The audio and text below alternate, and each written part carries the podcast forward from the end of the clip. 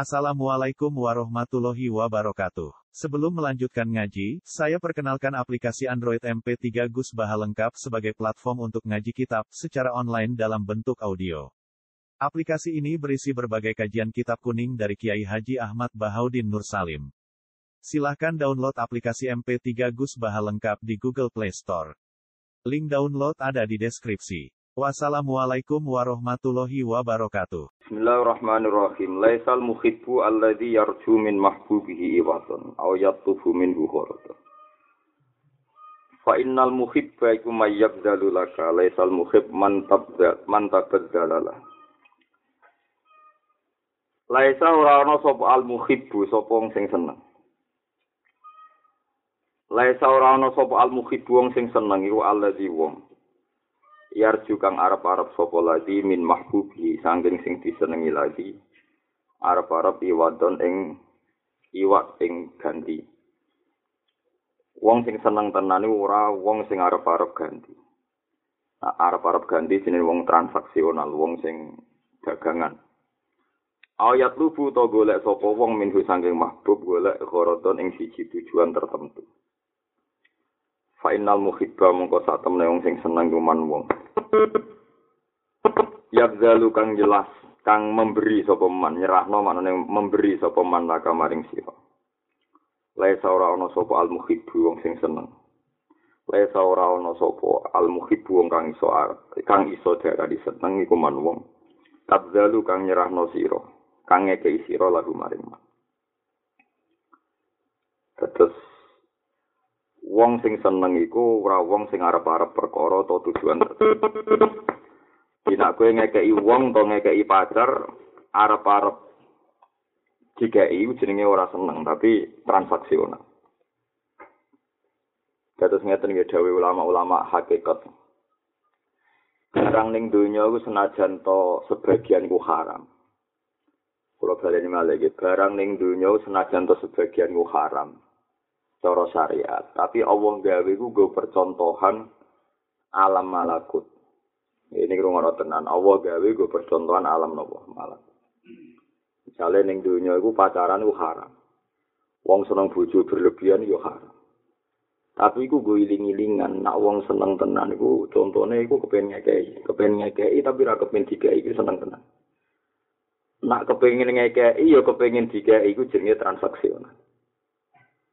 Artinya kalau orang-orang sufi darani ning dunia pacaran wae hukume ngono, saiki kowe seneng Allah, sujud ning Allah, kepen mlebu swarga. Engko anggere sedekah kepen diwales.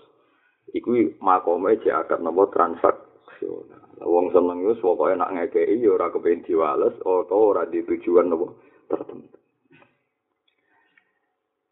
Tapi ilmu iku mau ilmu kelas A ya, A1. Maksudnya buatan buatan buatan A plus ini A satu tapi buatan apa A plus mungkin nak tentang ilmu A plus hakikatul hakikat ngeten. Asal ije uang bo ikhlas sudul lagi itu nyembah pangeran yo arep arep arep arep mlebu swarga. Misalnya wong tasawuf isin arep arep mlebu swarga jarene arep arep kepengin ketemu pangeran kepengin roh wajah pangeran. Iku ya jenenge tetep duwe arep. Nah nak jika sifat Rono jika sifat Arab-Arab iku mustahil diilangno sangka manusa, berarti sing seneng sejati ning kita iku Allah. Kita ora iso seneng sejati ning Allah Subhanahu wa taala. Mergo Allah ora butuh kita, tapi ngekeki kita. Allah ngekeki kue mangan, ngekeki kue ngombe, ngekeki segala yang kita butuhkan. Padahal Allah tidak punya niat terbersit apapun. Allah ora kepengin mbok wales, Allah ora butuh walesan. Berarti pecinta sejati sama kita itu adalah Allah Subhanahu wa taala. Jadi niku sing apes. Abu Yazid Al Bustami kula nate maca Ar-Risalah Al Kusyairiyah niku sering kula waca.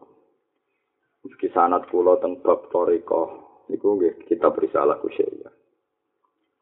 Niku Abu Yazid Al Bustami dadi wali besar samu wiridane kok sampean boten. Beliau itu punya wiridan ilmiah yang akan abadi ila yaumil qiyamah. Dina wiridan ngeten. Ya Allah, nah kulo seneng jenengan iku wajar. Buangku nekere ra seneng wong sugih. Wong kulo butuh jenengan. Kulo baleni malih. Ya Allah, nak kulo seneng jenengan iku wajar wong kulo butuh jenengan. Saiki wong kere seneng wong sugih wajar gak wajar wong arep-arep dikai dhuwit utawa arep-arep untuk penggah kowe. Wong elek seneng wong ayu ya wajar wong butuh. Santri seneng kiai ya wajar butuh untuk ilmu ini. Gusti kula seneng jenengan itu wajar. Panjen kula banyak kepentingan pada jenengan. Semua kebutuhan saya saya berharap dari jenengan. Lho sing aneh ku jenengan kok seneng kula. Wong jenengan ra butuh kula kok seneng kula. Paham ya? Artinya betapa Allah itu luar biasa. Wong ora butuh kok ngekei. Saiki ana bos ngekei karyawan, mergo arep-arep untuk servis pekerjaan. Kowe ngekei bojo arep-arep gelem dikeloni. Bojo gelem nyabari elek ya mergo untuk mangan. Padha di kepentingan. Nah, aku seneng jenengan Gusti wajar wong kula arep-arep kok jenengan.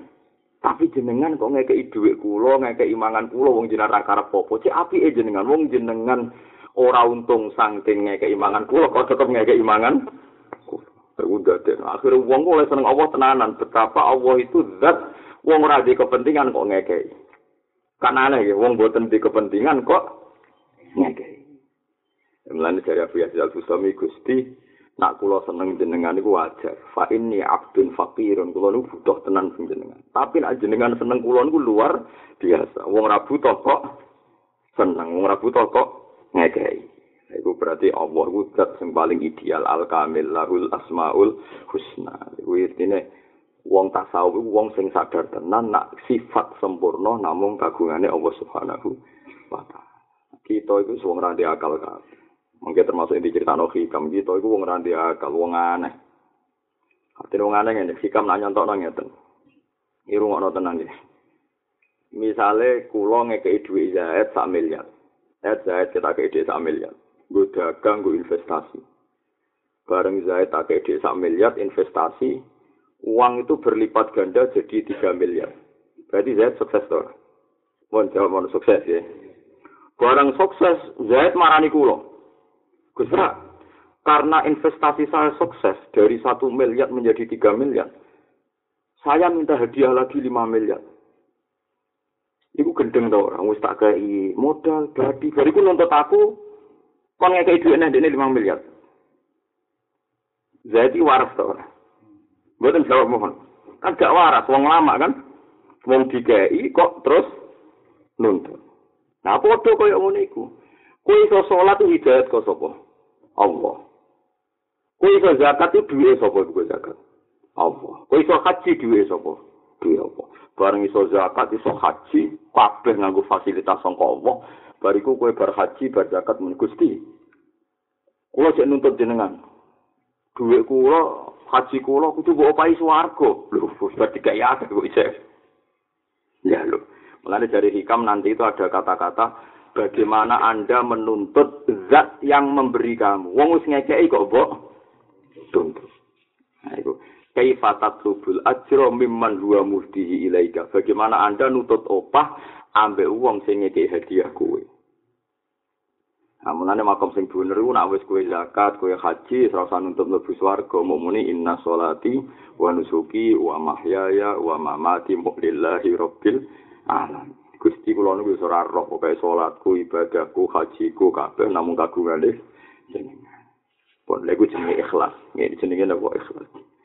Lah anak makom sampean kan gak ngono mau dikai dhuwit sak miliar bareng investasi dadi 3 miliar, goleki wong sing ngekeki. mergo njuk diapresiasi njuk napa diapresiasi ya kan yo aneh wong kok nglamai ngono mesti kaya iku ijek golek niku niku makom-makom sing A+ niku cara saniki pun pun niku pun makom dhuwur tenan dan ada sedulur ibu ibu dhuwur. Pokoknya kurung aku kurung ngono ae sing ibu belas pokoknya sementing nyata nek nak salat yo gaya muni napa? Inna sholati wa nusuki wa mahyaya wa mamati lillahi Padahal nak berkaji dan utama kaji ngamuk. Padahal nak sholat muni inna sholati wa nusuki wa mahyaya wa mamati lillahi rabbil alamin.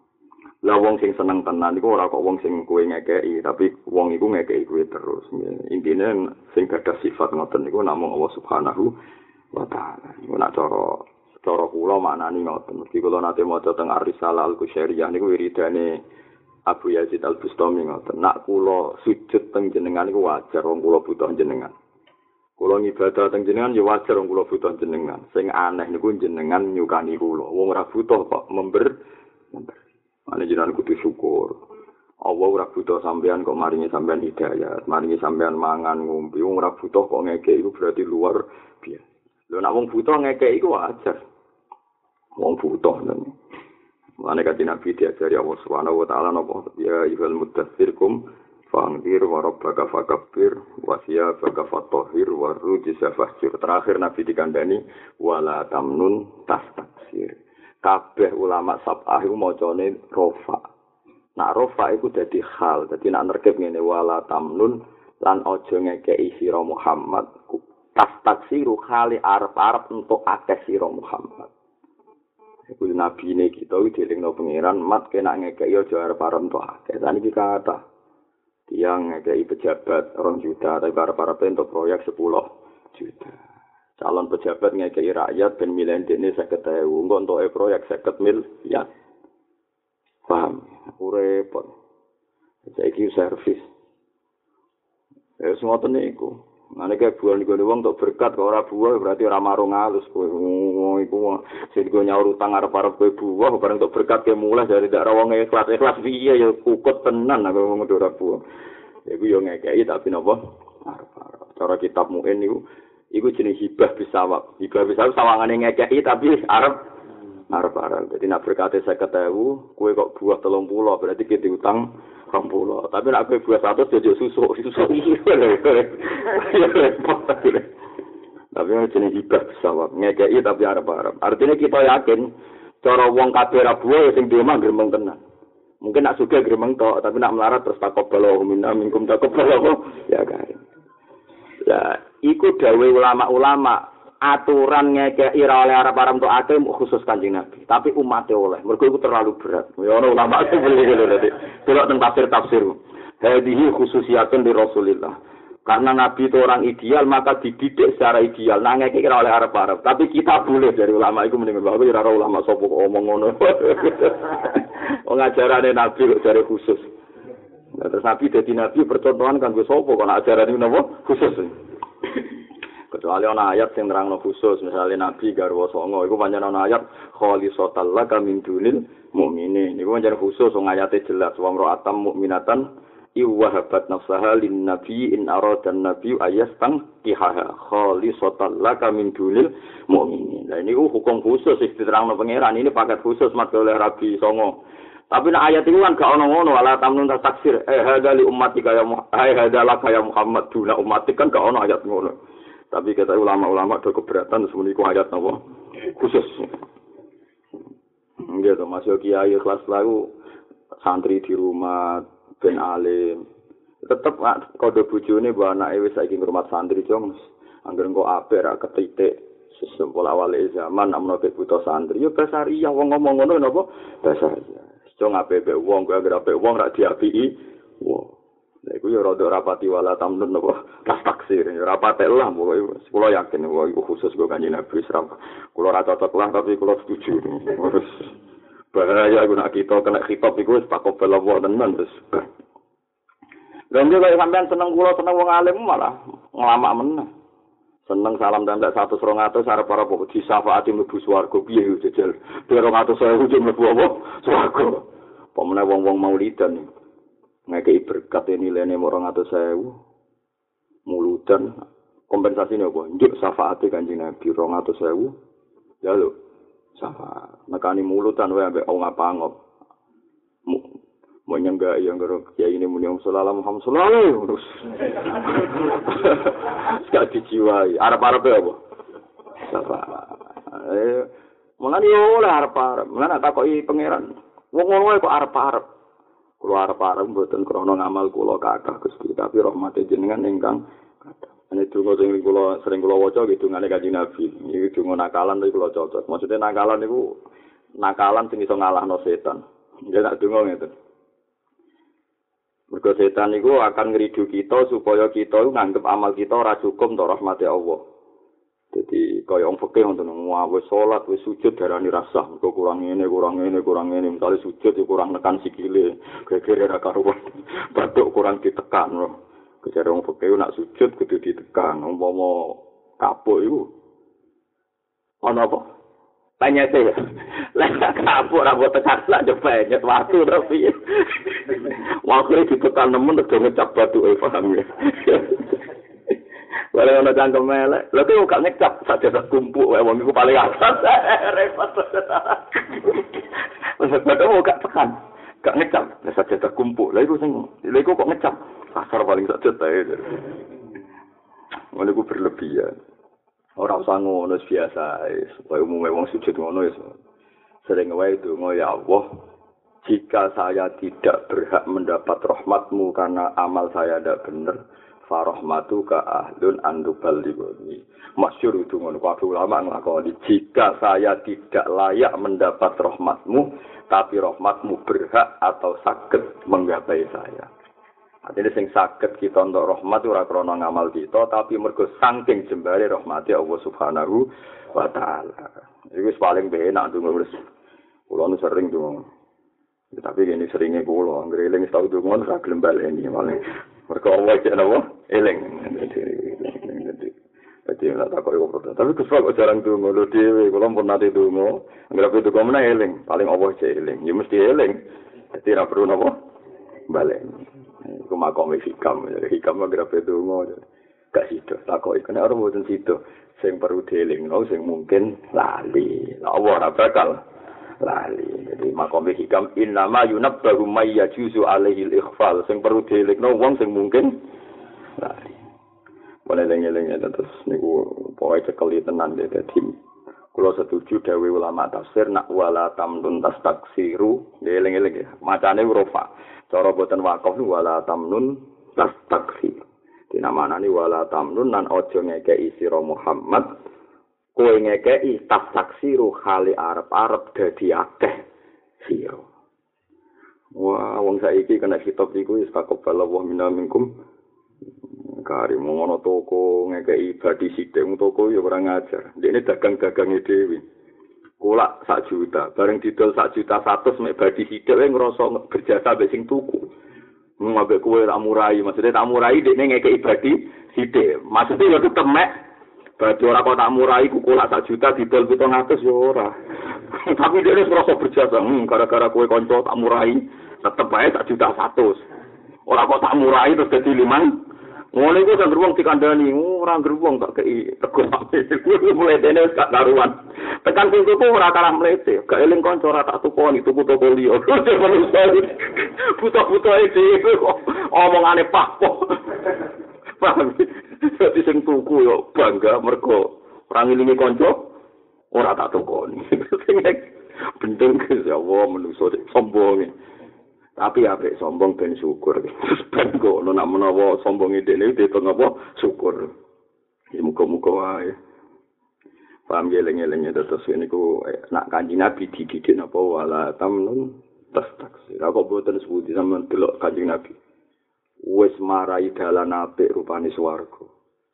Wis wong diwarai maca tasbih maca tahmid nabi tanggung jawab ben wong sing anut aku mlebu swarga terus umatnya udah buling-buling sing korupsi yo wake sing tatonan yo wake sing ngeflay wake macam-macam nabi asline yo gelo wong duwe aturan dilanggar. Tapi nabi ra ketua pondok yo ra tukang boyong. Malah dia pengumuman cong aku deh hak syafaat. Umatku sing tusane gede sok tak syafaati. Ora penak ugi.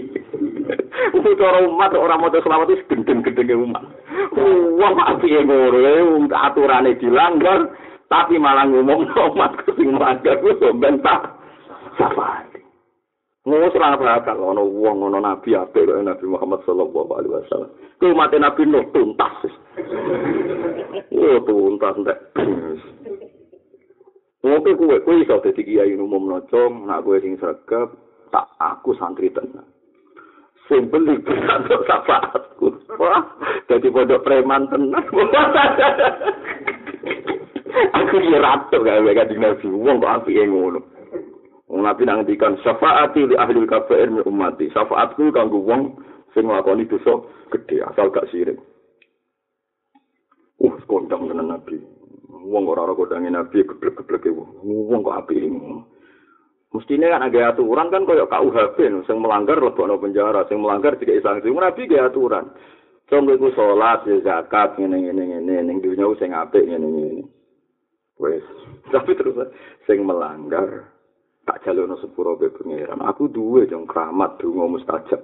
Be pangeran ditawani tak goning dunya tak goning akhirat. Kabeh nabi digoning dunya. Likul linabiyin da'watun da'a biha li umati. Kabeh nabi dijatah donga sing wis dinggo ning dunya. Wa akhtabi da'wati syafaatan li umati yaumal kiamat. Jatah dongaku mustajab ku tak simpen kompensasi nih aku untuk hak syafaat ning dina napa? Ya digo sing beling-beling. Lha iya wong-wonge ku lali kanjeng nabi. Mletene ra karuan ning donya. Tapi nabi sing ben sing kangelan Lha wong api ngono iki disebut nama lako dijak Rasulum min anfusikum azizun alaihi ma anitum. Dadi alaihi iku ing atase nabi ma uti apa wae anitum kang berat sira kabeh. Alihi ma'anitum harisun alikum. Nabi itu sangat-sangat berkeinginan Anda baik. Terus bil mu'minina ra'ufur. Saya Nabi itu diduga umat Salah sidik dihukumi sirik, salah sidik dihukumi sirik. Dalile hadisnya Nabi. Jadi Nabi diduga umat Mereka umat Nabi dihukumi sirik. Ada sifatnya Nabi bil mu'minina ra'ufur rahim. Mengenai kira sama lah gendeng bareng. Sesus. Kula ngerti parani tiang-tiang dhewe, tiang sakniki Gus wis ora ngakoni sunah Rasul. Ngene orang ini orang. Ben ra anut sunah Rasul Allah. Aku takok kanjeng Nabi ra Wong sing ora guyon, ora guyon pi aku ora guyon. Sifate Nabi ning Quran bil mukminina raufur rahim, Nabi kereng ya dadi umat kowe barang iku. Nabi raufur rahim bin nasil Quran. Nabi Raufur Rahim, Raufu ada welasi, Rahim ya agak welasi. Terus Nabi jadi sadis ngono iku ajaran konti. Menengah itu.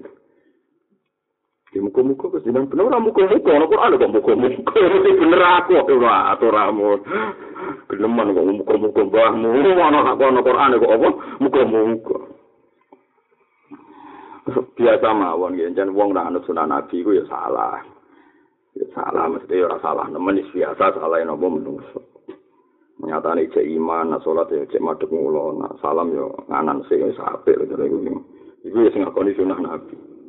Salam nganan sih sunah Nabi, terus ngiri ya sunah Nabi. Salat madhep mulo sunah Nabi, takbir sunah Nabi. Lho wis nglakoni kabeh sing dieling-eling ku ora digo kentok sisi iku tok. Lho nglakoni sunah sak munabah sing dieling-eling kok salah isi tok. Gak singgot. Lah padahal cara sekor wis takbir anut sapa? Nabi maca kita anut Nabi Fatihah Nabi wata sitok-sitok maca surat, Nabi ruko, Nabi itidal, Nabi sujud, Nabi jalsah, Nabi ruk sujud neh, Nabi.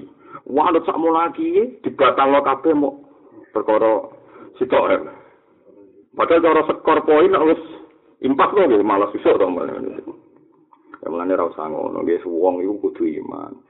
Meskipun kita yakin ngoten niku sunah nabi kalau usah berlebihan. Piye-piye apik ya ana tulisane apik. Fama ya amal miskola berrotin khaira ya tapi tetap ono skore dalam hal ini orang anut sunnah. Dalam hal ini anut sunnah. Kok skore ada terus ijek akeh sing anut napa? Sunnah. Nah ijek akeh sing anut sunnah berarti wong iki layak umat Rasulullah sallallahu alaihi wasallam. Kok sing dilingi sisi salah itu? Ya masih ana gur wong niku ya ora sunah nabi paham itu eling-eling itu dadi napa nabi kuwi kudu anut sifat nabi sing disebut Quran. Fa aminu billah wa rasulihi nabil ummi alladhi yu'minu billah. Termasuk sifat nabi disebut Quran. Nabi ku sapa nabi ku sing wayal tu anhum israhum wal akhlal allati kanat alaihim sifate nabi sing disebut ning Taurat lan Injil alladzina yajidunahu maktub alladzi yajidunahu maktuban indahum fit Taurat wal Injil. Ya'muruhum bil ma'ruf wa yanhahum 'anil munkar. Wa yuhillu lahum thayyibat wa yuharrimu 'alaihimul khaba'ith terus sirine nabi napa? Wa yad'u lan ngletakno sapa nabi atau menyingkirkan sapa nabi. Anhum sanging umat israhum ing bebane umat. Wal akhlal lan pira problemku allati alaihim Jadi waya tu anhum isrohum wal akhlal allati kanat alih. Saiki wong nyifati nabi ku nabi seakan-akan koyok polisi, koyok jaksa, sing tukang bebani umat. Padahal Allah nyifati nabi ini sing menghilangkan beban. Faham sih kalau maksud? Nah, itu walik-walik saiki. Faham ya? Wes nopo? Walik. Saiki semoga wa iman ben nabi, nabi ku sapa? Nabi ku tokoh sing waya tau anhum israhum wal akhlal allati kanat nawa alaihi. Jadi nak cara istilah sing terkenal ngene mau harisun alaikum bil mukminina napa raufur rahim. Senajan contoh kita ya berusaha tambah hari tambah anut sunat nabi. Sunat nabi paling gampang wis malah ya lomo itu. Lomo itu paling kondang. Ono kehilangan duit keren. Semua-semua sing bangsa kehilangan duit udah tenan. Nah, semua sarapati kehilangan duit itu rati gampang. Laula maya dinun nufusi mata hak koko serus sairi. Laula maya dinun nufusi umpomo ora ono tawi medan kang yiku nafsu. Wis mana sing gampang moni. Laula maya dinun nufusi umpomo ora ono medan utawa jarak kang yiku nafsu.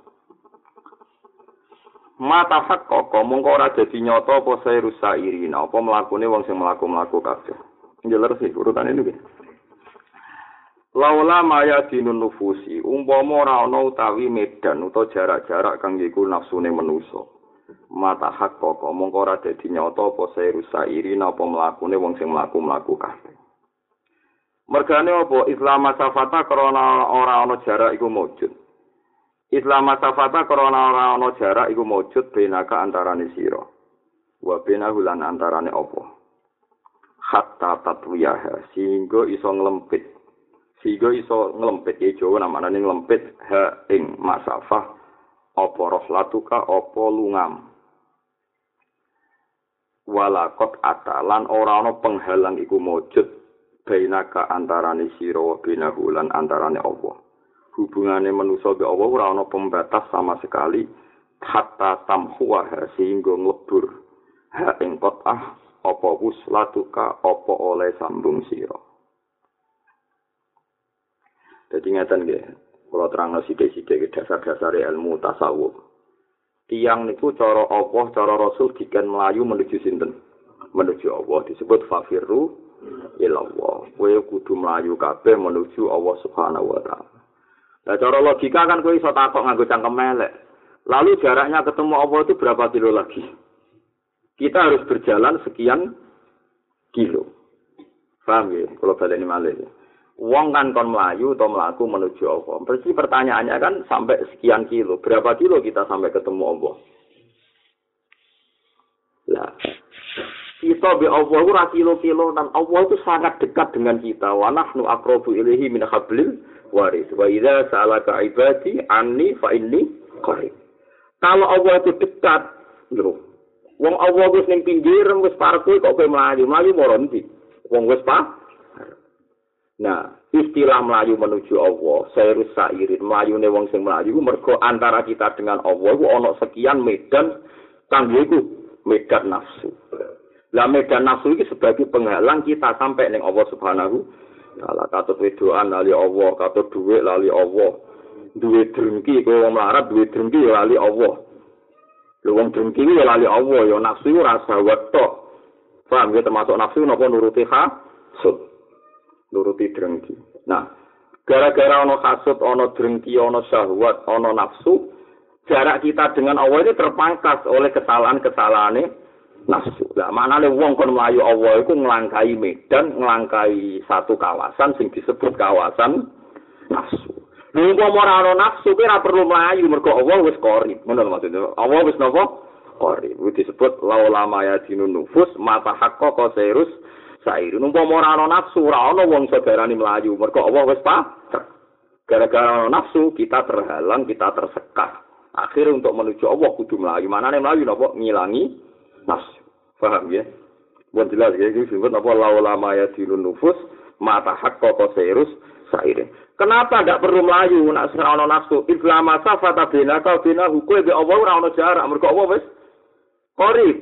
Lah apa ke melayu menuju Allah? Wong Allah wis napa? Qarib. Sing mari perlu melayu mergo ono nafsu-nafsu yang harus dihilangkan dilalui. Paham ya napa? Dilalui. Nah, sampean tak warai carane nglalui nafsu. Lah nek iso Gus, gampang nafsu iku dadekno kendaraan, diakali. Mulane dawuh Nabi masyhur sing diriwayatno ulama lewat hadis makna nafsuka mati yatuka fatfukia. Tapi nafsu sing digawe Allah ning kowe iku ya apik. Dadekno wae jaran, dadekno wae kendaraan, kok ora dadi tok Allah. Carane iki gampang. Manjen agama iku gampang. Kowe di sahabat mbek wong wedok. Terus ana wong wedok sing gelem mbok kawin. Baru kayak di sahabat kepengin jima. Jima dadekno akeh umat Kanjeng Nabi. Kue di nafsu nak pakanan kepengen mangan. Pangan wae nak halal. Jadi kekuatan sholat, kekuatan ibadah. Nah, saya nak walian. Syahwat be wong wedok sing kue haram ngumpuli. Ya kumpuli. Terus nafsu ini tetap gina. Gina nih Alhamdulillah Gusti kalau jadi syahwat. Ini kepengen barang Gusti. Baru kayak jenengan larang kula buatan lakoni. Baru kayak ninggal syahwat ya ditulis kan. Ya. Apa enak? Umpama kira di sahabat be wong wedok ninggal zina ora ditulis ganjaran. Mergane ra ono sahabat. Paham ya? Jadi barang ono sahabat nak ninggal untuk ganjaran. Apa enak? Jadi akhirnya kayak turu, gusti kalau turu, gusti kira di wong wedok ganjaran. Wah, neng omah gitu anak ngidong putu, gusti kalau tak ngidong putu mawon tiba ngidong bujune wong ganjaran. Soalnya terus jadi wiridan mesti ngono wae wis ganjaran. Neng omah ra di dhuwit ngitung reng, ratikus liwat ngono. Gusti, kula masih ora dhuwit mboten mlaku-mlaku. Ben mripat kula ora jelalatan delok wedok. Mun delok tikus mawon, delok tikus apa itu ganjaran. Mergo ora ana ulama sing fatwa delok tikus haram, paham ya? paham ya? Tapi nak tikus itu pangan haram. Kecuali aliran tertentu. oh, itu sarap ya. Mengkaruan sifatnya Nabi wa yukhillu lahumut thayyibat. Nabi mau ngalalno barang-barang sing apik. Wong Arab iku takoki tikus mek sapi ku apik di. sapi. Ora mungkin tikus disifati toyo. Mulai Imam Syafi'i ditakoki. Mbah Imam Syafi'i kowe kok ngaramno tikus itu dalile apa? Quran enti. Kalau gak ada Quran ya halal. Zaman dhisik ora ono geblek nganti muni iku ora ono. Jadi Imam Syafi'i jawab apa? Kowe wong Arab ta ora? Arab. Roh bahasa Arab. Ngertos? Tak kandhani. Fatwa aku iku anut Quran hadis. Kok saged? Iya mergo Allah mau ngalalo wa yukhillu lahumut thayyibat. ciri utama barang halal jenenge thayyibat, barangnya apik. Hubungannya apa mbek tikus? Tikus itu dari Nabi itu kewan limo sing fasek, khomsun fawasek termasuk tikus. Tak mau tikus mlebu khobisat, mlebu kewan sing fasek atau sing elek. Lah, ciri utama haram wa yukhillu lahumut thayyibat wa yuharrimu alaihimul khobai. Sing ra enek, sing elek-elek iku haram. Kok malah takok Quran endi? Wong mas Safi ngamuk. Kowe Arab to ora Arab? Kures to ora kures? Roh bahasa Arab, roh ora ngerti pamon. Lah saiki wong ora roh ngene iki kabeh. Roh yo anggere ning Quran rono. Wis mung inalillah wa inna ilaihi rajiun. Musibah tenan iki. Wong alime iku minoritas ane yo Di umat ra jelas-jelas ngeten iki paham ya. Soale kangen iki ini sowan bariku mulai ngono ae wong alime kudu sabar. Arep-arep dilarang wala tamnun pas taksir. Kecuali gawe ulama mau iku kaya nabi, kita ora perlu alhamdulillah. Jadi wong iku kudu ngaji Quran. Quran iku mujmal, termasuk sifate Allah ning Rasul. Rasul iku sapa? Rasul di ciri khas wa yukhillu lahumut thayyibat sing apik-apik dihalal wa yuharrimu alaihimul khaba'ith. Lah nabi ngendikan wong ihram ae nak mateni tikus ora perlu bayar ke mergo ora kategori hewan sing oleh diburu mergo dihitung apa hobi paham ya mon yakin Lho tenan to ora engko nang isih kowe iki keyakinan ora ono kolane ada wong ah repot kabeh Tapi itu ora usah debat lah, apa debat barang. Debat itu nak level, level apa debat. Malah ngerepoti. Kono jener malah repot. Apa debat malah macam kitab boleh terjemah. Dari itu dia boleh makna waduh, dari kena setengah apal kitab dimusuhi wong isek nunuk-nunuk. Kita sering tamu ini yang dari itu yang itu ini fokus. Tapi rasa setuju, bukan, semua betul setuju. Nah, tapi ini sih, boten. Masa kita bisa ya boten. Ya musuh di sana. Pasti kerupuk. Lah sampe dhewe ya aku ngaji, mung ora iso aku iso kok. Nak nak iso musa ora iso jenenge ngaji. Lah nak padha isane debat, kok padha isane ku debat. Nak ora iso musa iso yo Haji, ora iso kok ngajak debat. Ya wis nak ono nyerah ya sing ora apik ngaji. Waktu kalau wong barat, ngloroi wong sugih. Jenengan karepe piye donya kok ngene-ngene. Ngajak ati sugih, iya ngajak ati sugih lha dunya ndi? Mboten kadal lho, ya ngajak ati marah. Parah. Ya dadi sifatnya nabi ku wa yukhillu lahumut thayyibat wa yuharrimu alaihimul khaba'is. Mulane dawuh Imam Syafi'i sing diceritakno kitab takrib barang haram iku sing disebut Quran iku ya celeng. Asu misalnya terus napa? Darah. Lah sing ra disebut Quran iku mlebu umume wa yuharrimu alaihimul khaba'is. Mulane dawuh ulama-ulama Syafi'iyah wa kullu ma istahtasatul arab min ahli sarwa angger wong Arab darani ku jijik berarti haram. Mergo mlebu khaba'is. Lalu kudu roh kok sing disebut Quran. Tapi sing rumah samu Quran ku ayat kula gitu fi ma uhi ilaito ayat ning Quran ono wa yuharrimu alaihimul Pasti ku ana kowe muni ra ono ning Quran mergo apal, paham ora kok perkara ora ono, perkara ora ono? Ora apa aneh-aneh wae jare ora ana Quran Mana kulo seneng mbek Mas Safi, nek semua mau duka sampai ana ulama ora roh hadis debat sampai dene. Aku gak ngilingi jenengan kancane Sofyan Asauri. Ku pengen tak koroi jare. Masa iki nek duka sanggo melek.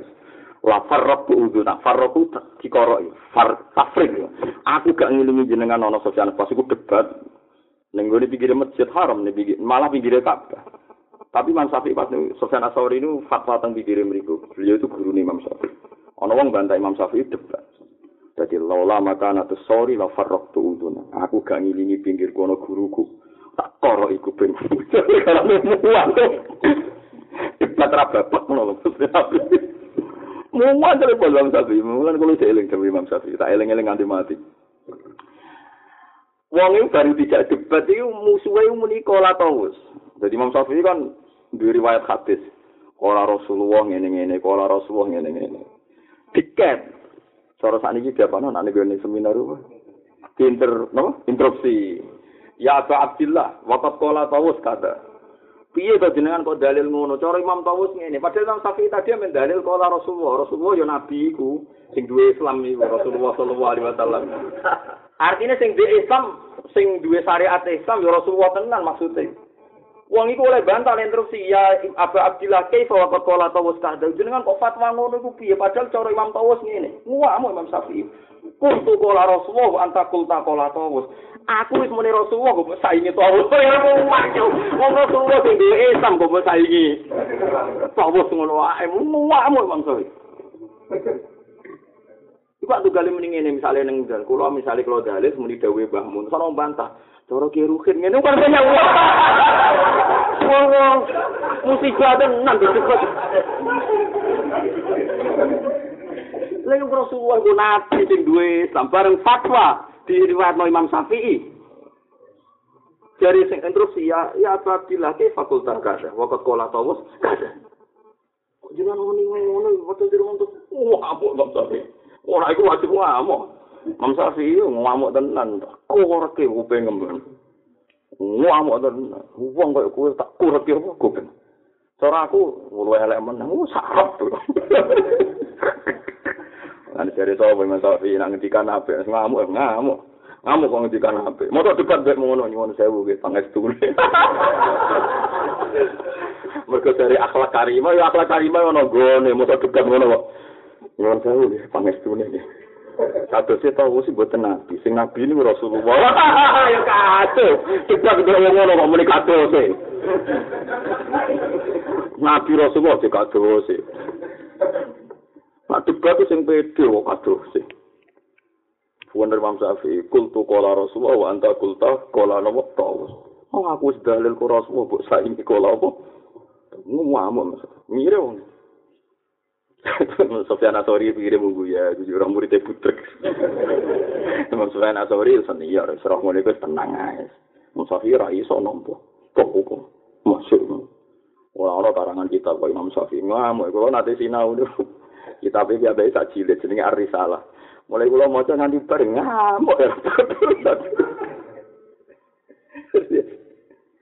Tapi kalau ini termasuk sapian, rapati ngamuan kalau Mau tangkem elek, mau tentu. Ya, tapi jadi kan kepongkol itu kudu dicangkemin apa? Elek. Maka cara kok idang al-mutakabbir, at-takabbir al-mutakabbir matlubun syar'an. Nyombongi wong sombong itu matlubun syar'an. Jadi nyombongi wong sombong itu syariat kanjeng Nabi. Jadi nyombongi wong sombong. Jadi misalnya ada wong kok muni ngene. Sidi-sidi kok haram, ning Quran ra ono. Oke Quran ra ono, lha apa lho nganti ra ono. Eh, nak yo cucu muni ra ono. Ora apa kok muni ra ono. Ora apa kok muni ra ono. Wong Quran ono wa yuhillu lahum thayyibat wa yuharrimu alaihim khaba'is. Lah khaba'is itu jelas iku disebut nanti ning bab ihram yaiku wong muhrim mateni tikus ora perlu untuk fida. Perkara nih tikus itu khoba khobais. Malah nyepu Nabi Dawud nama khamsun fawa se yukal nafil fil wal haram. Wah, aku taruh pantas sama dia kalau tadi wis dadi wong sareh. Taruh pantas wis dadi ulama fikih. Nah, kalau mun kerja pensiun dadi serapati. Eling-eling ini. Eling-eling mau ya, soal kultur kalau Rasulullah, wa anta kultur kalau nabi, ngamuk ini. Saake Imam Tawus ra melo-melo. Padahal ini mungkin salah kutek pisan Imam Tawus lah ngendikan ngono ora ngomong bingung to ngomongnya tak. Ayo misalnya kalau dawu ngoten wis geger, nah cara dawe Mbak Mun ngene, dawe Bali Maksum ngene, terus ana wong interupsi pun saya mbak ya. Coba pakai rugen. Nanya to mosok Bali Maksum dibandingno. Tak kriting ngono wae. Lah iku muni kala Rasulullah kok disaiki. Ya Rasulullah sing duwe Islam, sing nabi ne Rasulullah tenan. Dibandingno. Nanya wong nek dikurek iku pingin. Wah. Paham ya, jadi hilang. Jadi dawe ulama, umpama ora ana nafsu, iku ora ana wong mlaku. Mergo apa wis parek. Islam safa bainaka wa bainahu hatta tatwiya rahmatukala. Padha wae umpama ora ana nafsu, ya ora ana pemutus antarane kowe be Allah. Mergo kowe be Allah ora ana jarahe.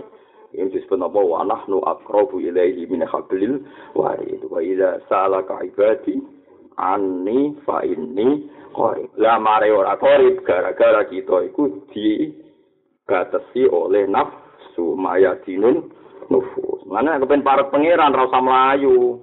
Pangeran Google ini di, aku perlu melayu berapa kilo, wong sarap Mau cukup ngilangi nafsu. Mereka sing mari ana jarak adalah anane napa? Nafsu. Mohon kula terus nang terus tak budi. Jala kan Nomor pitung puluh, nomor pitung puluh. Jala kafil alam al mutawassit.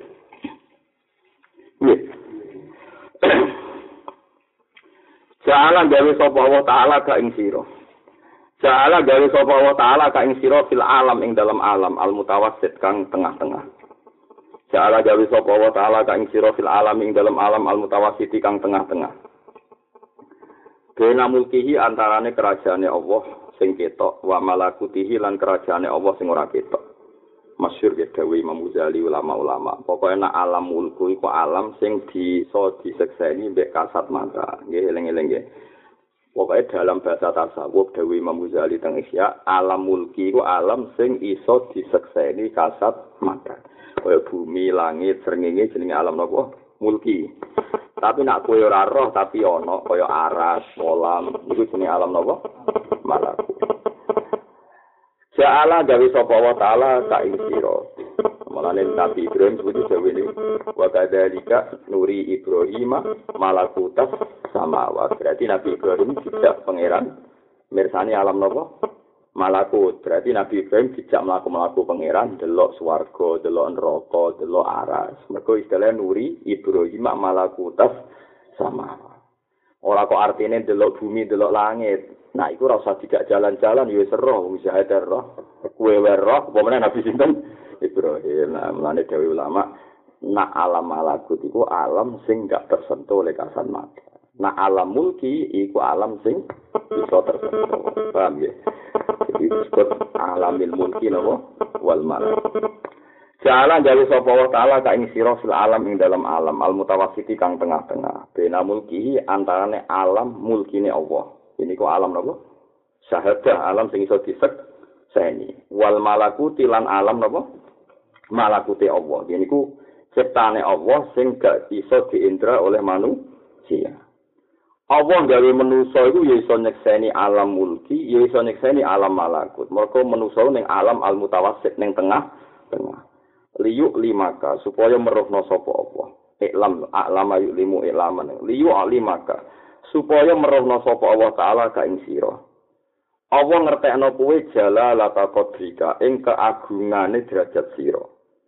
Bena makhlukati dibanding antarane pira-pira makhluke Allah. Jadi manusia itu luar biasa.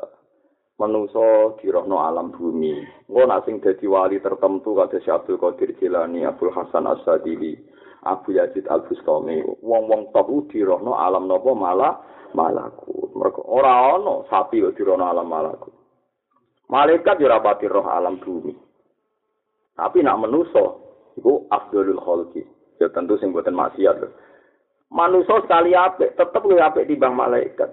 mergo manusa ngalami alam mulki lan alam napa malaku saniki misale ya sampean nak ngedu ya sing babak aja kok muni mosok wali ambek malaikat jibril apik wali ya keliru kowe. Ya nak jago ya musa jago. Misale jibril bandingane nabi Muhammad Mikael ya bandingane nabi Ibrahim. Dadi sing top ya bandingane wong top aja kok bandingno. Manusa mbek malaikat iku apik manusa. Bandingane iku Zaid be Jibril. Ora babak kok kabeh ku yo. Mulane dawuhe Imam Marzuki ulama-ulama ketuane malaikat yo apik ketuane manungsa. Top-tope malaikat ijek top-tope manungsa. Awame malaikat ijek apik awame manungsa. Dadi yo sing babak lah. Nah, bukti malaikat itu kadang ra paham. Iku yo kasusnya Nabi Adam nih. Nabi Adam itu disiapno Allah ning alam mulki, niku ngerameni bumi dadi khalifah. nyatane malaikat nyuwun sewu ana sing ora paham muni ataj alufiya mayusidu fiya wa sikutima wa nahnu nusabbihu bihamdi kanu qad disulah ya ana malaikat sing ora paham meskipun malaikat sing gak paham iki ora kok malaikat kok Jibril Mikail. Saya pastikan itu udah Jibril udah Mikail. Karena malaikat papan atas itu udah akan ngalami nyuwun sewu kegoblokan seperti ini. Iki malaikat sing awam. Paham ya? Niku kuwabe tafsir ngendikan ngoten tafsir Qurtubi tapi jangan kira malaikat ini malaikat kayak Jibril, ini malaikat kebanyakan sing tukang protes. Mergo malaikat papan atas gak mungkin di kelakuan ngene iki. Sing protes napa? Atas alun napa fiha mayusidu fiha sikut. Oke ceritanya berhenti di sini. Terus saya Nawawi Banten seh-seh sing rondok percaya cerita Israiliyat kadang memakai maksudnya. Iku terus nambahi cerita.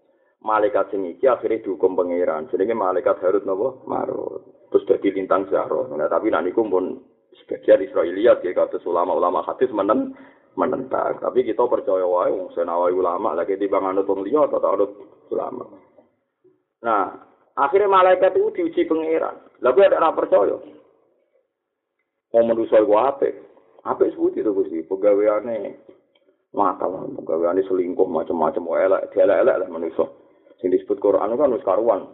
Apa wae sikut dima. Jadi manusia itu penggaweane mayusidu fil ard napa ataj alu fiha mayusidu fiha wa sikut dima. Penggaweane ngrusak penggaweane berdarah-darah.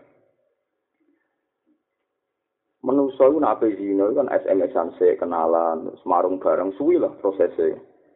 Bareng malaikat. Njuk ngetes Gusti tetep apik kula lagi ora rasane. Menungso iku ngene iku mergo tak kei nafsu. Lah kowe suci mergo ora tak kei nafsu. Munggo kita kei nafsu kok aku anak mulai bejat. Nggih Gusti dijajal mau Walhasil malaikat disuntik, cara lagi disuntik, dikai nafsu. Medun rawong adus langsung zino. Loh, lumayan menusuk, rada suwi.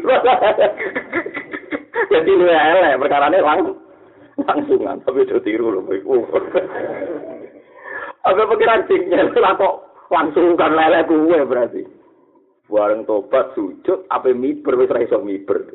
Ya kalau sama tadi kita cerita seru mereka wis kadung tahu salah. Akhirnya dibuset pangeran jadi lintang nopo Zahra. Mulane wong Yaman itu ora mulane lintang Zahra lintang laknat, lintang alamat musibah. Dorong lintang kemukus perkara itu sulapan saka malaikat sing nopo salah. Tapi cerita niku nggak dibenarkan oleh ahli hadis. Tapi apa pun itu malaikat ini akhirnya divisa. Tapi saya pastikan ini bukan malaikat kayak Jibril, kayak Mikael. Jadi malaikat yo kelas-kelasan. Coba terus banding nomor biasa banding yo buatan ngoten. Nyatane Nabi Muhammad dipirsakno alam malakut. Ngene iku nganti tok Sidratil Muntaha. Jibril ora iso. Nah, berarti Jibril hanya menguasai alam malakut tertentu. Sementara Nabi Muhammad nganti tok Sidratil Muntaha. Wong mandek. Nah, malaikat Jibril ngawlat Muhammad langit siji, langit loro, langit telu barang langit itu Jibril dikorbaturi, ya Muhammad haruna makane. Mat aku mau kene tok, aku ora iso. Iku ora kelasku. Nabi Muhammad Iku nunjukno anak Nabi Muhammad kuwi afdal tirikan sinten Jibril. Begini tok Sidratil Muntaha malaikat Jibril pun boten wantun.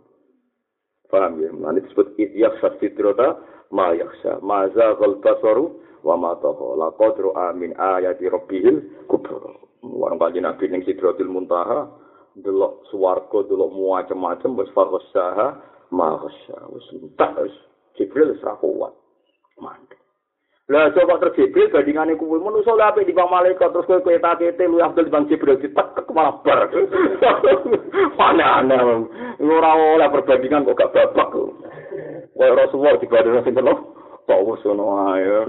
Nak tawus banding kowe alim mam tawus, apa sih karo alim. Tapi Mas Imam Syafi'i muantel kan wis muni kultu kala Rasulullah. Anta kulta kala napa? Tawus. Kondang kan Imam Syafi'i. Mamuan Imam Syafi'i. Juga nak sepuh-sepuh mesti pun boten. Niku cerita zaman tese umur 20, umur 19. Tapi kalau niru ngamuane mawon lah, niru sopane repot terus.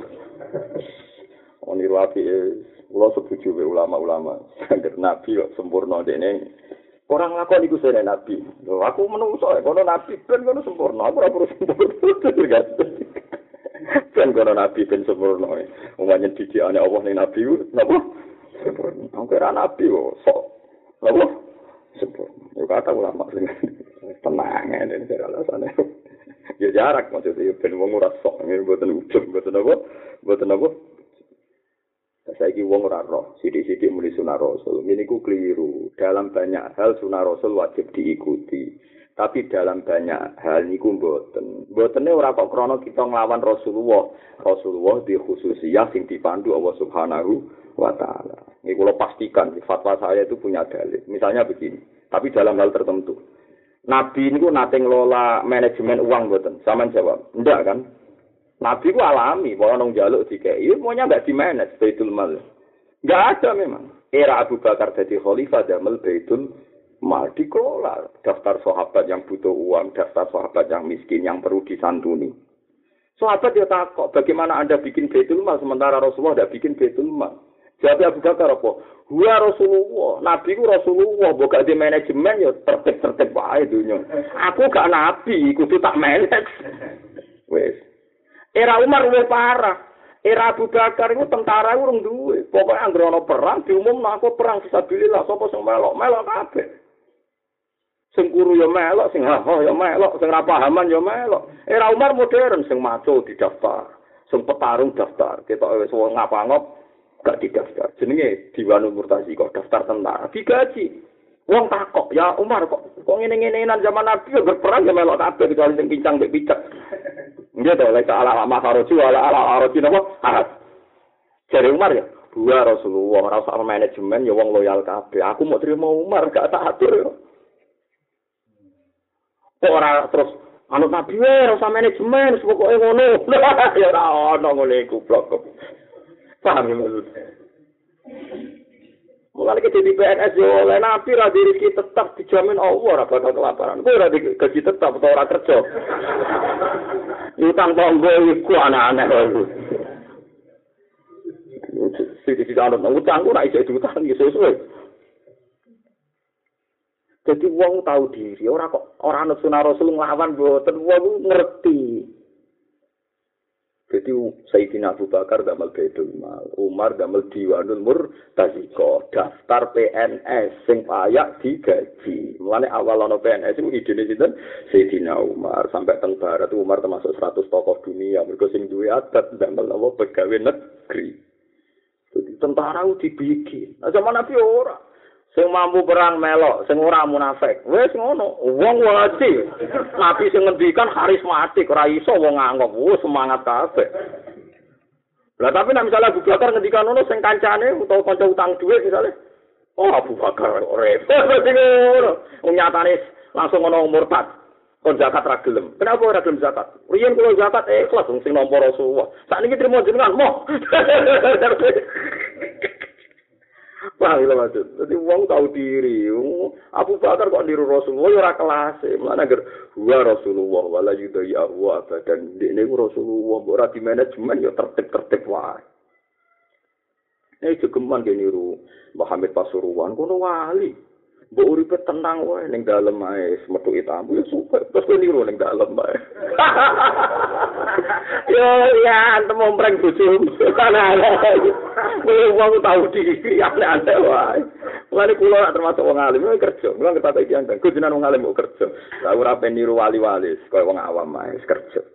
Pena dibangun awam niru wati. Akhirnya akhirnya kejut gini. aneh-aneh wae. Itu tuh wong mulane cara usul fikih kias uma al jame. Ojo kias uma al farik. Ya kias uma al jame. Kalau ada pemersatu nilai ono kias, nah ono pembeda enggak ada kias. Nah Rasulullah ku nabi dipandu pengira. Ora usah di manajemen perang yang menang ae Baduri Jibril Mika.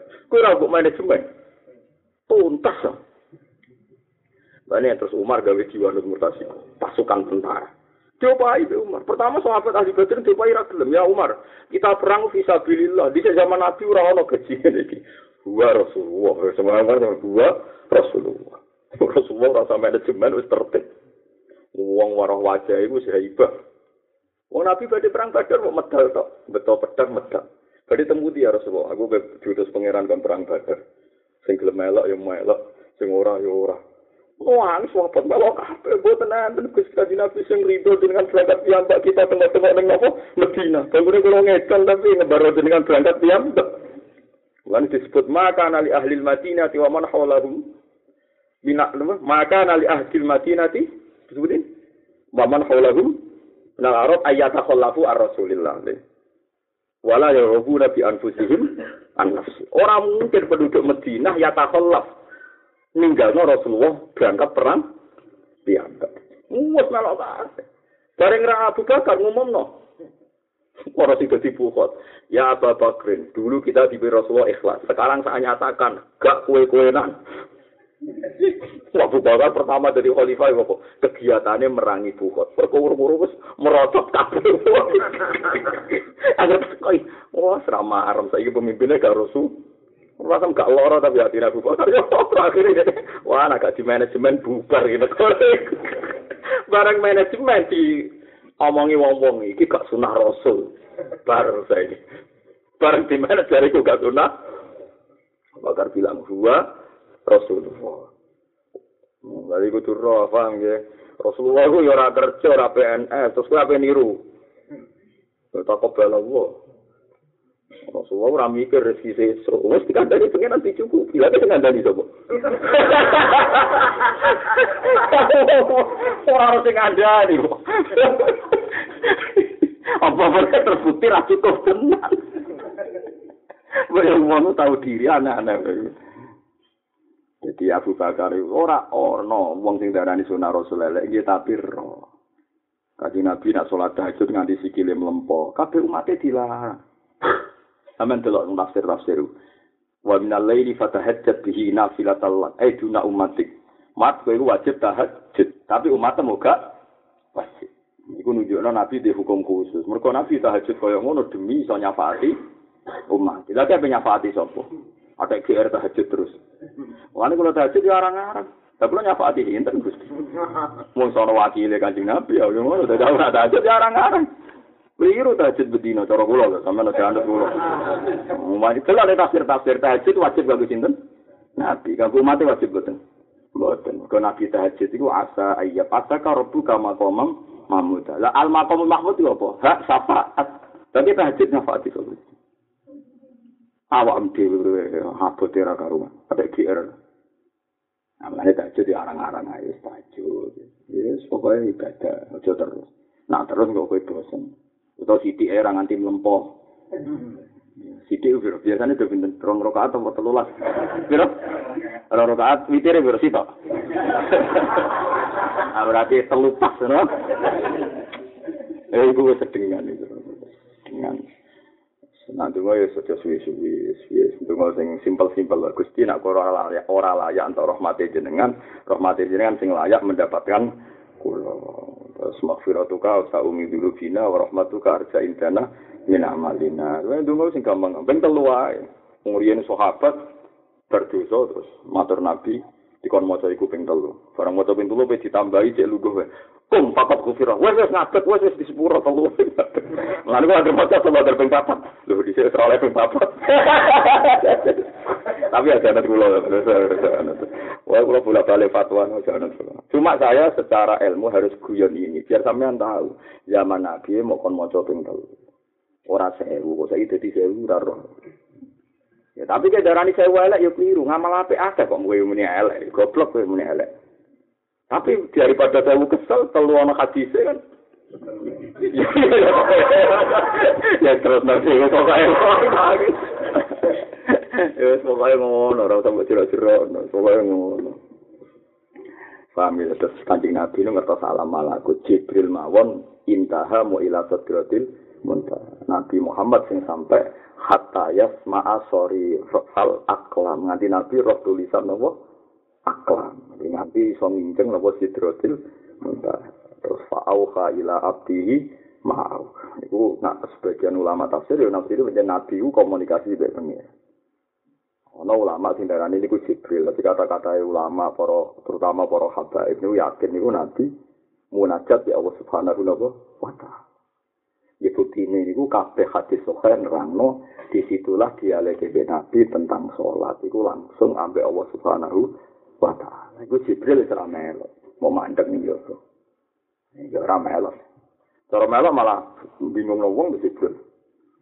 Kan kitab kanggo menungso lha apa melok ta? Umat-umat kon salat ngene-ngene kan. Masalah kok Jibril. Malaikat sholat terus malah repot wis ning yo wae. Ya iku menungso sekali mulia iku yang menguasai alam mulki, yang menguasai alam malakut. Lah, kok nganti ngene ku Allah mirsano mirsano kuwe liyu limaka jalalata kodrika bena makhluko mergo Allah mirsano kuwe bahwa anda adalah makhluk terbaik di antara sekian makhluk Allah subhanahu wa ta'ala. Wa anna kalan temen sirau jauharo dan iku jauharo iku mutiara. Tantowi kang dadi kalempit aleka ing atase sira apa asdafu mukawwanatihi apa pira-pira wadah pira-pira makhluk sing diciptakno Allah subhanahu wa taala. Dadi manusa iku satu-satunya makhluk sing iso nerangno alam mulki, ya iso nerangno alam napa malakut. Tentu maksudnya manusa teng mriki sing mujmalah ya kanjeng Nabi Muhammad sallallahu alaihi wasallam, terus malaikat jinten Nabi Ibrahim. Wa kadzalika nuri Ibrahim malakut sama.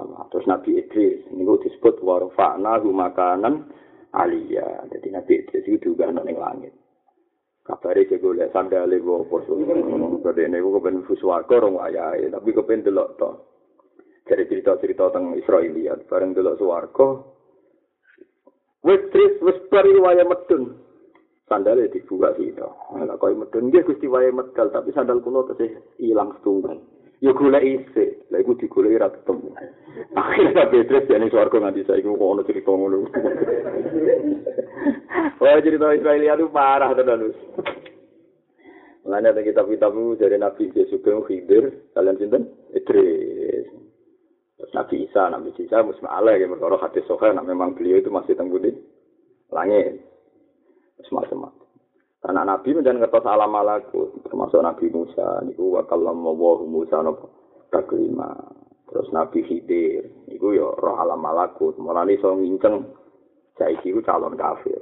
Mumpung rong kafir dipateni. Jadi kan kenapa cah cilik mbok pateni? Aku roh catatane saiki surga kafir. Lah kowe kok mateni cah cilik mbok bom mung rong kafir. Lah kowe roh catatane to. Khidir ku mateni mergo roh catatane. Lah kowe. Ora roh kan? Ora roh catatane kok. Paten Nabi Khidir kenapa kok pateni? Dia sebuti alasan itu wa amal gulamu fakana asawahu mukmina ini fakhosina ayur kohuma tuhyanau wa kufra. Jadi dari hijir aku wis roh catatane nak cah iku iku sampeyan mati kafir. Lah wong tuane banget sayange, nak nganti dekne urip kafir, wong tuane sing mukmin iso terpengaruh jadi kafir. Disebut napa fakhosina ayyurhikohuma. Saya takut kecintaan dua orang tuanya pada dia akan menjadikan orang tuanya ngikuti kafir. Tapi rasa tetap dong. Gak roh, dan roh ya rasa anut Nabi Sidik. Makanya Nabi Musa baik kalahlah dalam pertemuan itu tiga kali pertemuan kan Nabi Musa kalah. Bareng mirip tetap jadi Nabi Khidir ya kalimah wah jenengan sesuai syariat Anda. Nabi Musa tenang, ya ora bakal anut gue, aku ya duwe aturan dhewe kok aturan dhewe ora terus kok gak bagi dhewe boten. Mulane terakhir pertemuan itu dikawiti Ya Musa, kamu punya ilmu yang saya tidak tahu, tapi saya punya ilmu yang kamu tidak. Jadi satu-satu babak orang Nabi Musa kalah nih buatan. Tapi hidup kalau mimpin orang Israel ya meriang. Biasa kunak yang laut mau kamu lakukan itu kan mimpin Bani Nabo. Seroy kaget waduh. Mana pikir mau mau kamu lakukan mikir sekor. Nah, tapi rani barang cerita sudah kan. Oh, nggak bukulah ini barang kusumo. Buat nanti ruatan nabi itu. Tapi Khidir itu teng laut Majma al Bahrain. Terus mriku senengane lungguh ning Farwatin Khodro. Farwa niku semacam napa? Karpet napa? Napa pokoke kemul. Pokoke senengane kemulan ijo. Buat terus jenenge sapa jadi tiang-tiang jenenge Balya gitu senengane iki. Balya bin Mulkan wong. Ora tau kenalan ndek roh jenenge. Aku yo engkek ana ana iki roh jenenge Khidir. Lah tau kenalan lah roh. ah terus jenenge iku Balya. Soale ngerti-ngerti berhubung seneng pakaian hijau-hijau terus Nabi Muhammad nyeluk nopo? Khadir. Terus ilat Jawa dadi nopo? Khidir. Mergo hijau-hijau ngono kan. Ngono ora disalami kaget. Assalamualaikum. Iku ora langsung jawab Waalaikumsalam. Loh, kok ana manusa to nek kene. ya lucu. Jadi pertama Nabi Musa salam, Assalamualaikum. Wa anna bi ardi assalam gitu kita cerita Bukhari Bukhari ora langsung muni Waalaikumsalam. Wa anna bi ardi assalam. Loh, Kok ana wong sing salam ning aku, ngaku ning alam dia maksudnya. Terus Waalaikumsalam. Terus. Anak Musa jadi Nabi Musa. Nabi Musa yo GR maksudnya. Aku iku Musa, maksudnya GR nak populer. Aku iku Musa, malah iso salam ning kowe tok kene.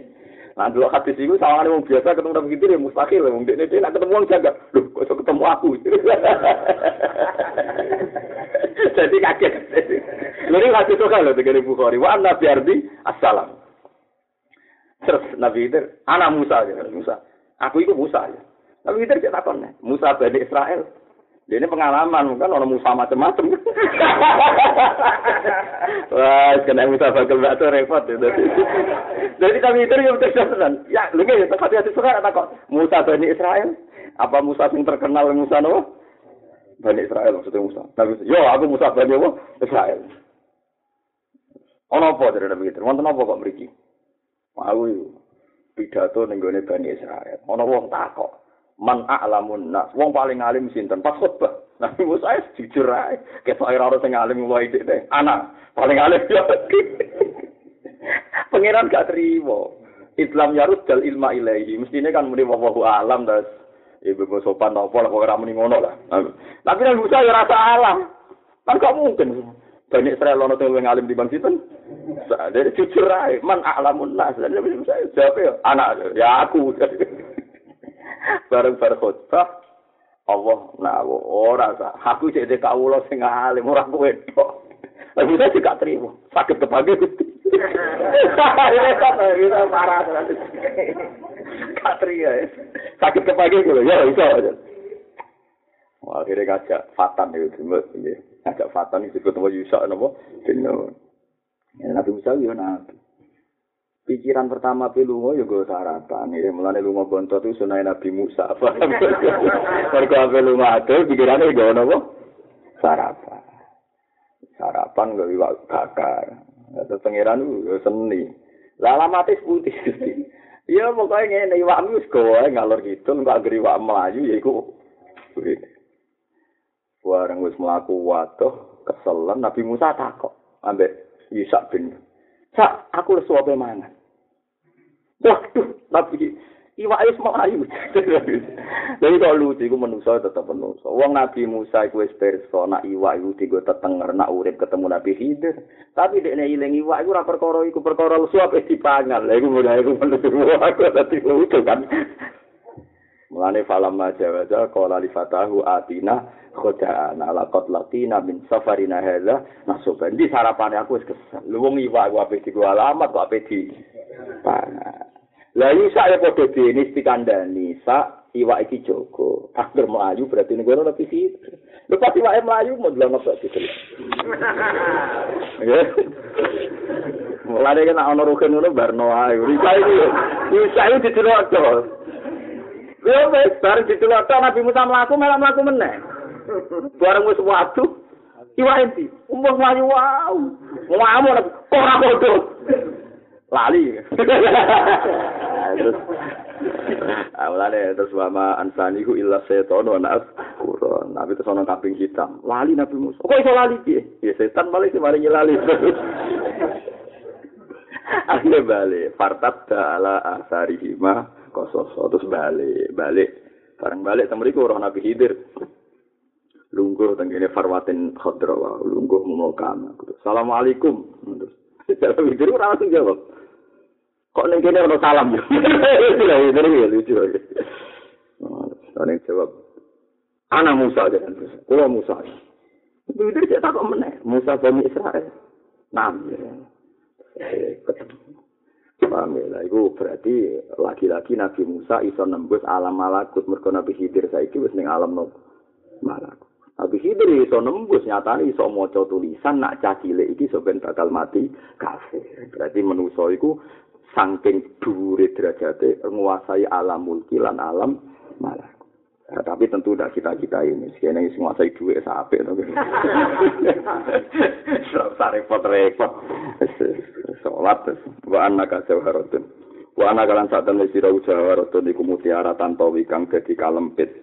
Maksudnya kue iso nguasai tanpa wida di kalempit ada kang ngatas sisi ropo asda fumuka wanatihi apa pira-pira wadah kang yiku makhluk ciptaane Allah wa taala walam yenamul.